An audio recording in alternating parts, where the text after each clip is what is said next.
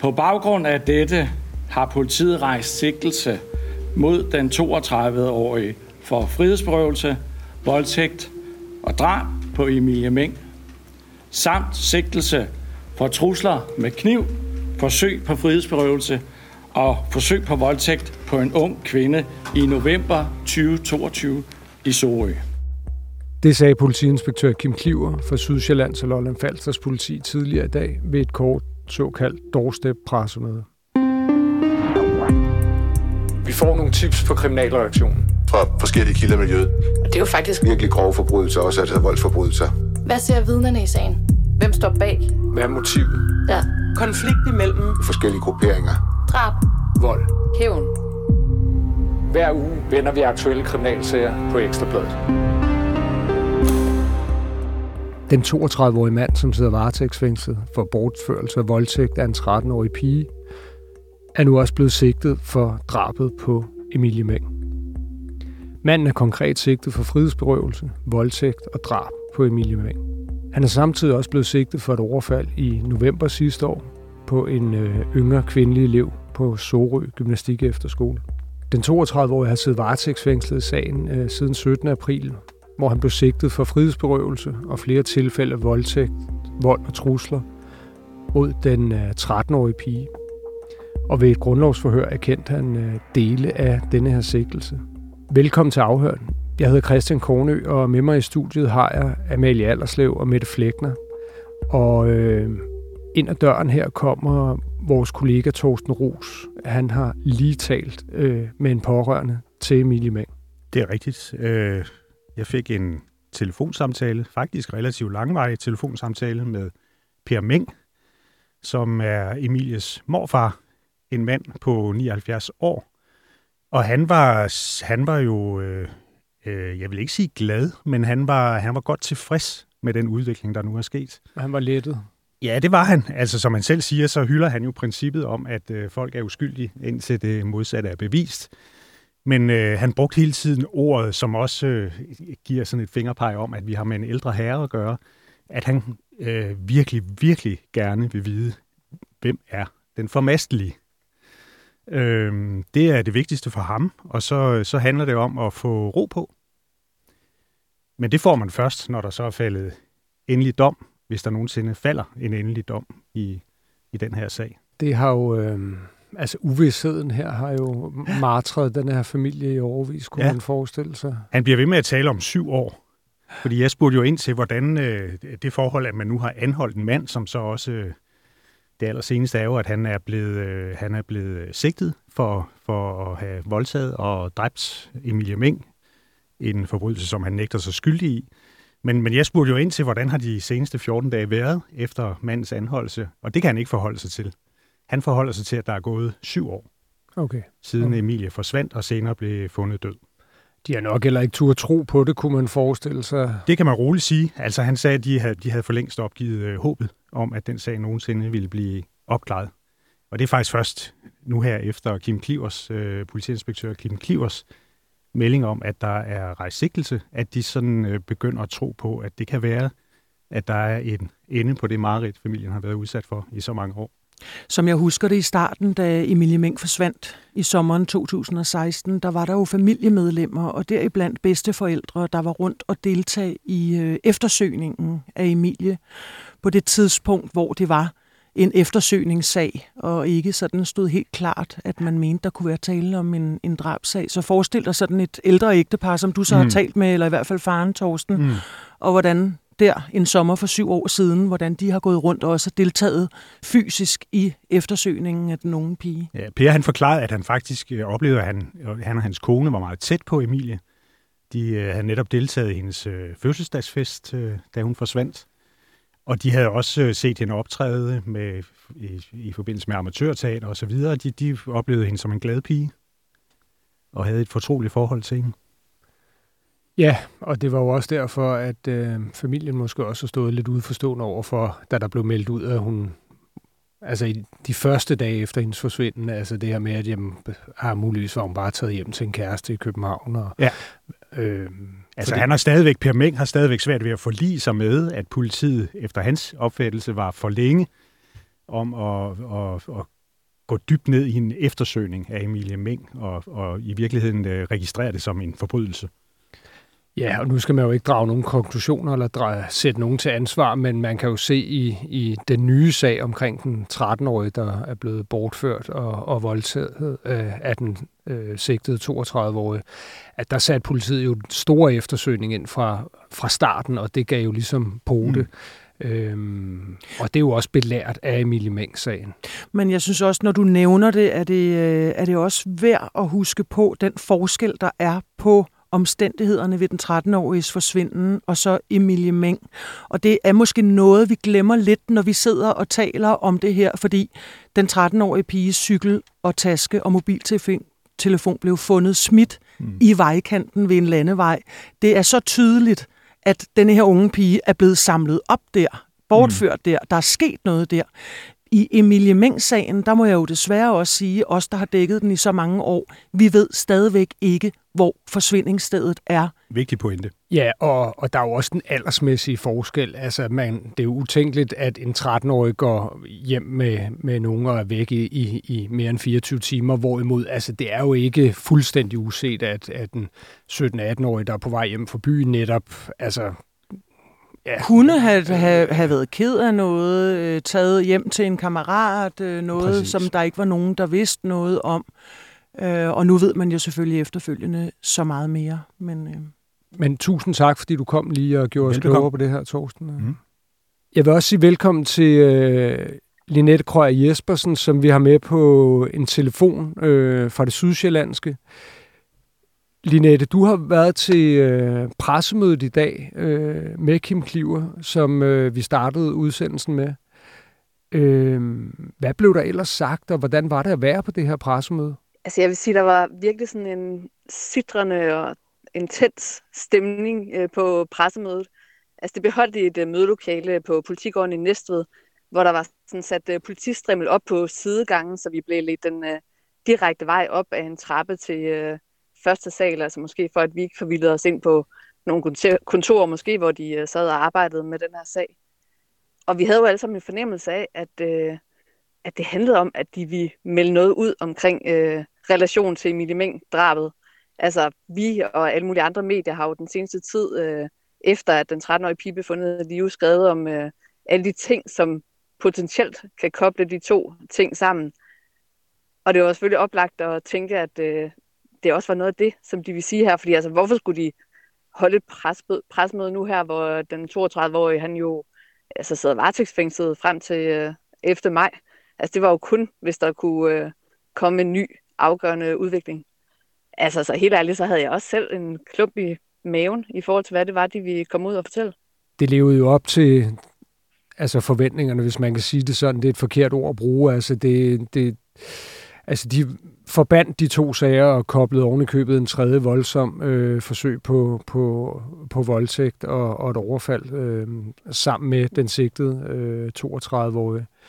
Øh, ved vi, hvad der forbinder, og der kan I jo andre jo også melde ind, altså øh, ved vi, hvad der forbinder de her, altså Emilie Mengs-sagen til, øh, til sagen med den 13-årige? Det, som jo har været det springende punkt her i den sidste uges tid, det er den omtalte Hyundai Model i30.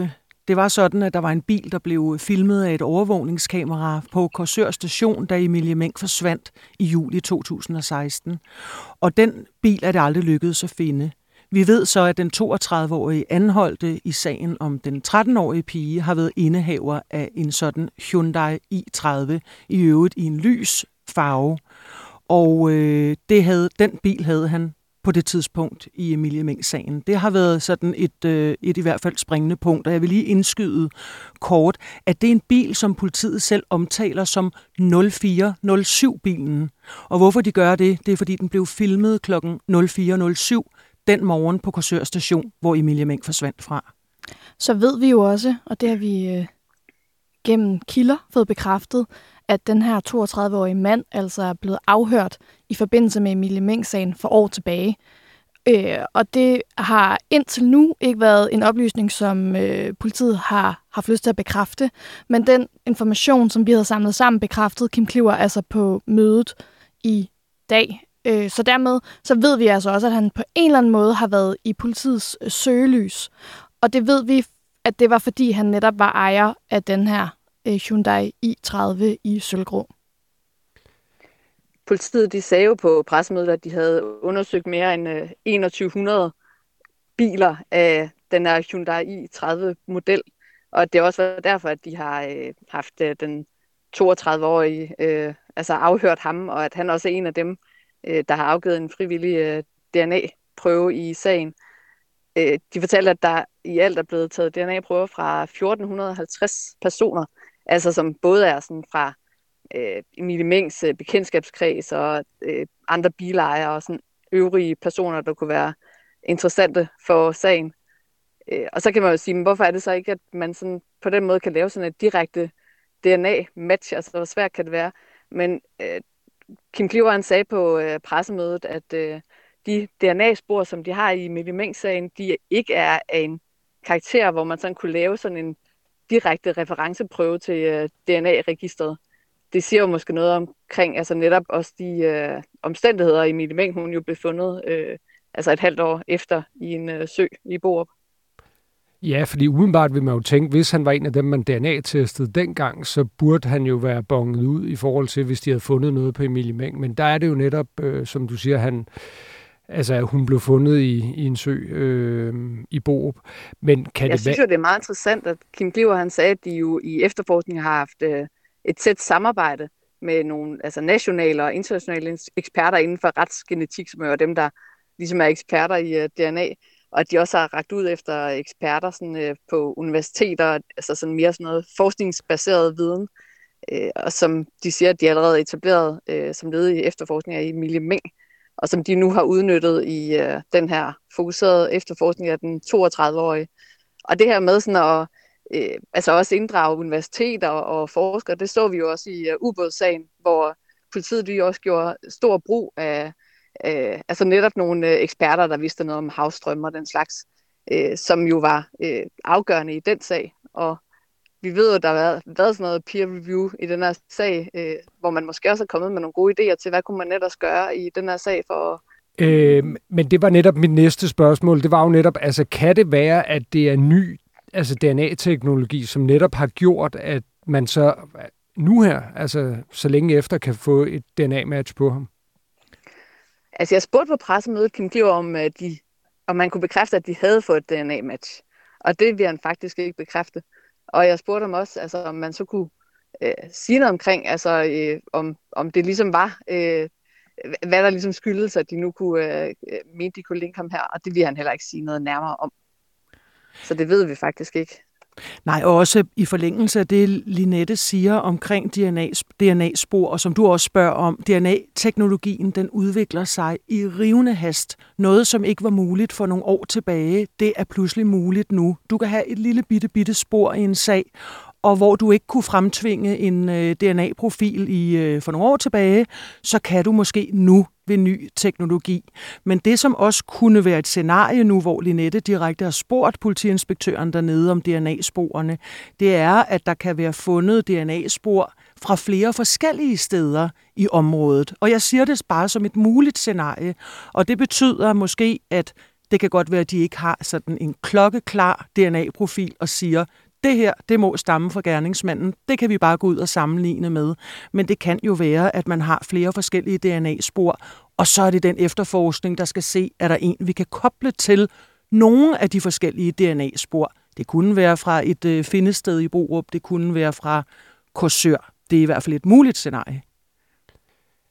Ja, og derudover er der jo også for eksempel sådan noget som, altså modus kan jo også være noget, der forbinder, altså man kan jo ikke lade være med at tænke over, det er jo helt unge piger i altså teenagealderen, som, og det er noget bortførelse, der er inde over, det er noget tvang, det er noget voldtægt. Øh, altså, der er noget modus, der også forbinder altså sagerne her indbyrdes. Vi skrev faktisk i øh, den forløbende weekend en, øh, en historie, sådan prøvede at se lidt på ligheder og forskelle i de to sager, øh, sådan punkt for punkt.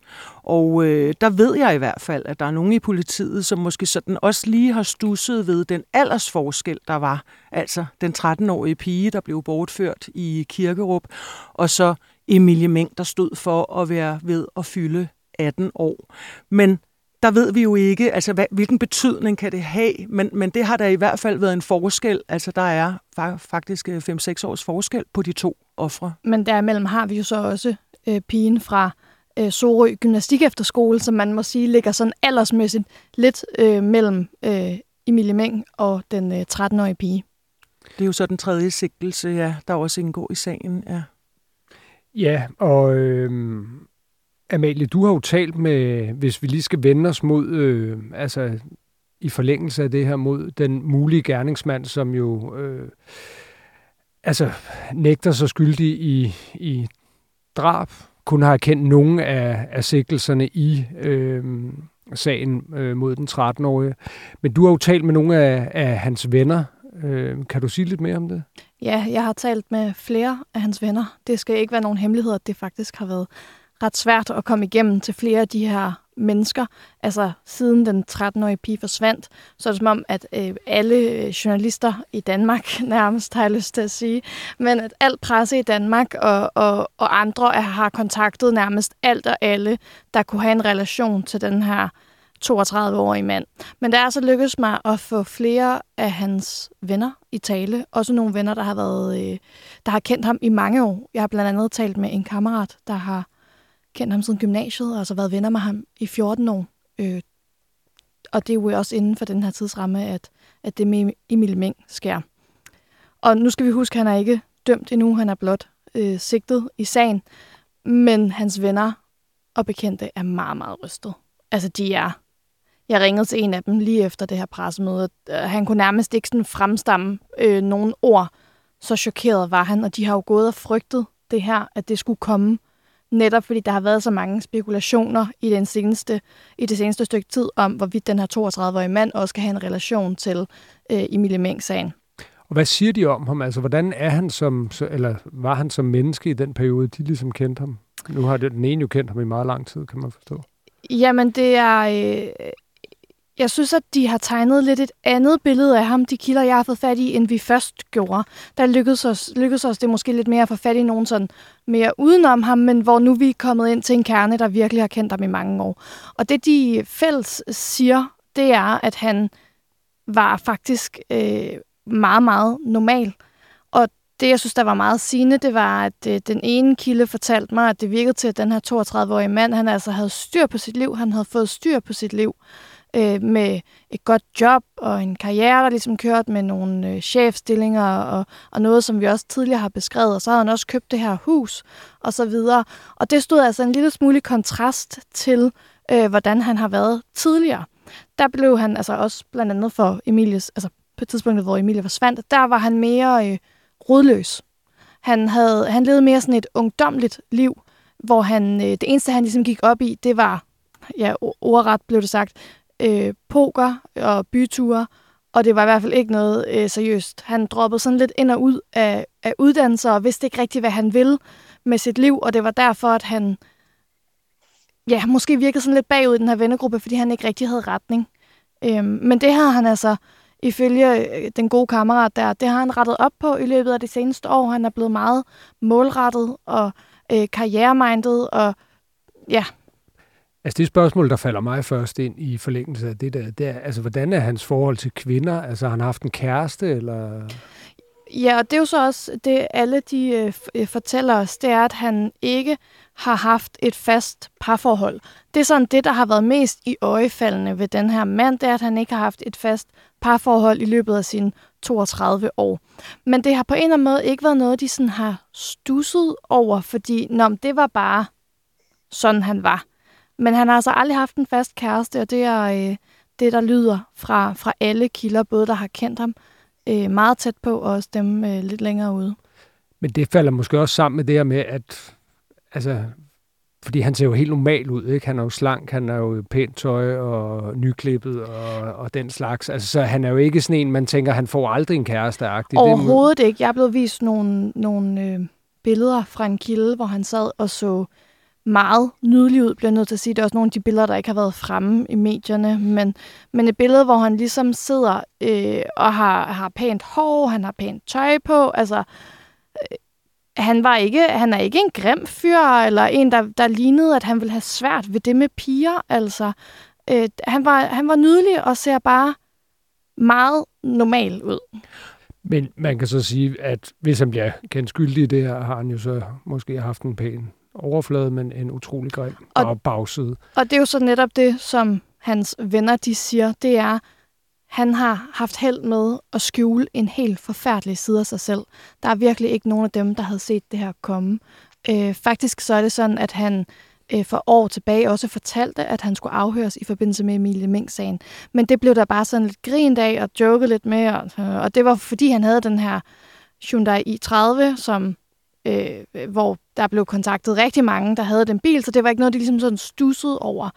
Øh, men han var meget chokeret over, at han ligesom skulle ind til afhøring. Det var noget, øh, flere kilderne de øh, blev mærke i. Og jeg har det jo sådan også, for jeg synes, det er så spændende, når man hører også de venner, der fortæller om ham og hans livsforløb, og de her beskrivelser af, vi har jo siddet og kigget på de billeder, netop en, en pæn ung mand.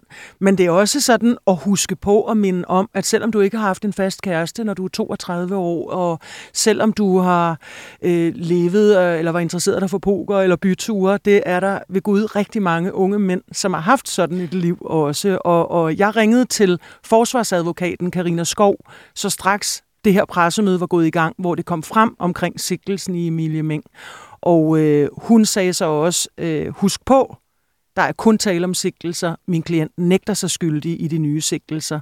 Omvendt er vi jo også alle sammen meget, meget opmærksomme på, at han i sagen om den 13-årige pige i Kirkerup, altså den sag, han oprindeligt blev anholdt for, der er der faktisk en delvis erkendelse. Vi ved ikke for hvad, så der er jo noget, han selv har erkendt, han har gjort. Ja, og dertil må man jo også nævne, at, at øh, den 13-årige pige er altså blevet fundet på hans adresse. Øh, så den er måske også en lille smule svær at løbe fra, at han ikke skulle have noget med den sag at gøre. Øh, lige præcis den sag. Linette, du har været i det sydsjællandske hele dagen i dag, og øh, du har blandt andet været på Sorø Gymnastik Efterskole. Kan du øh, sætte et par ord på det for os? Ja, du var jo kort inde på, at øh, den 32-årige han også er blevet sigtet for at have overfaldet en ung pige på øh, den her gymnastik efterskole i Sorø, hvor hun blev truet med kniv og blev øh, forsøgt voldtaget. Og det mislykkedes kun fordi, at hun øh, vristede sig fri, altså gjorde modstand, så øh, han ikke kunne øh, gennemføre sit forhævne. Og lige efter pressemødet, så tog øh, jeg og fotografen Per Rasmussen ned til øh, efterskolen, hvor jeg mødte øh, forstanderen, som hedder øh, Carsten Heim.